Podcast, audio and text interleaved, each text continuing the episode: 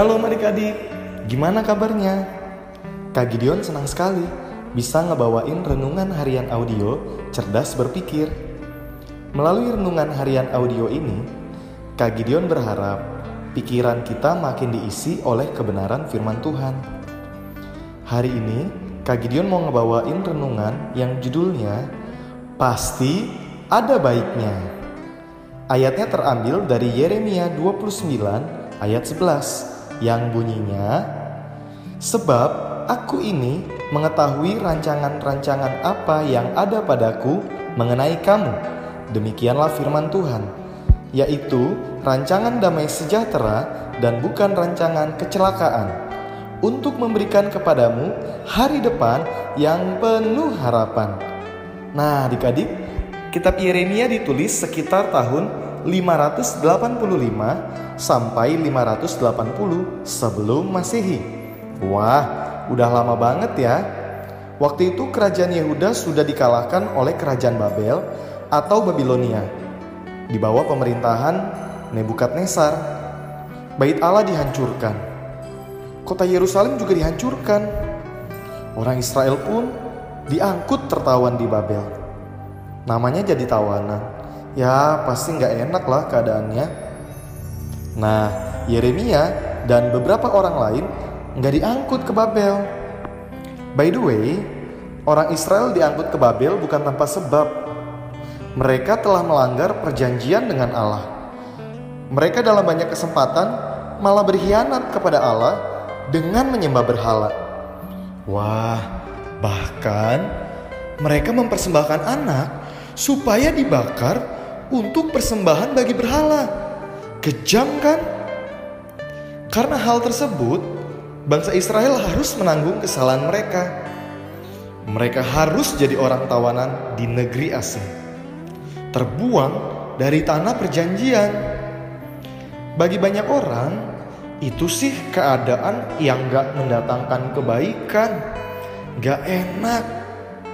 Tapi bagi Yeremia, keadaan tersebut bukanlah hal yang mendatangkan keburukan. Justru malah mendatangkan kebaikan. Kak, baiknya di mana? Negeri dihancurkan, jadi orang tawanan pula. Apa yang baik, Kak? Hmm, jauh-jauh waktu sebelumnya, pemazmur bilang gini nih, dalam Mazmur 119 ayat 71, bahwa aku tertindas itu baik bagiku, supaya aku belajar ketetapan-ketetapanmu. Jadi, ternyata keadaan yang gak baik mendatangkan kebaikan. Dalam kisah pembuangan ke Babel, peristiwa tersebut pasti membuat banyak orang menyadari kesalahannya dan berbalik kepada Allah. Ternyata di kerajaan Babel, orang Israel justru menjadi saksi tentang Allah yang hidup. Daniel dan teman-temannya sebagai contoh Melalui kehidupan Daniel, bahkan Raja Nebukadnezar sampai mengakui bahwa Allahnya orang Israel adalah Tuhan langit dan bumi. Intinya, bahkan di tengah-tengah hal buruk sekalipun, ada hal baiknya juga loh. Gimana dengan kita hari ini? Sekarang ini kita sedang menghadapi wabah virus COVID-19 yang sudah menjadi pandemi. Kak Gideon nggak bilang bahwa wabah tersebut adalah hukuman dari Tuhan atau lain sebagainya loh.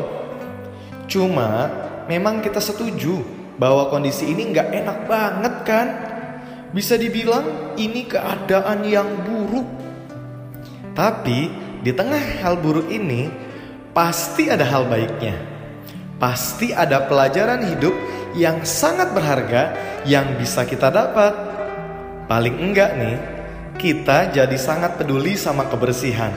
Bener nggak? Kalau dulu kita pas sampai rumah langsung nyelonong masuk, sekarang kita jadi lebih peduli sama kebersihan. Jadi suka cuci tangan dan bahkan mengingatkan orang lain. Mungkin setelah wabah ini berlalu, kita jadi terbiasa peduli sama kebersihan dan juga orang lain. Bisa jadi melalui wabah ini kita jadi belajar menyerahkan diri kepada Tuhan dan memohon perlindungannya. Gimana enggak? Bahkan saking rawannya virus tersebut masuk dalam tubuh kita, kita harus ekstra berhati-hati dan menggunakan masker waktu keluar rumah. Hmm, bisa juga kita jadi belajar mempercayai Tuhan dalam segala situasi. Belajar peduli sama orang lain. Belajar bertanggung jawab sama tugas sekolah meskipun nggak diawasi guru. Bener nggak? Masih banyak hal lainnya deh.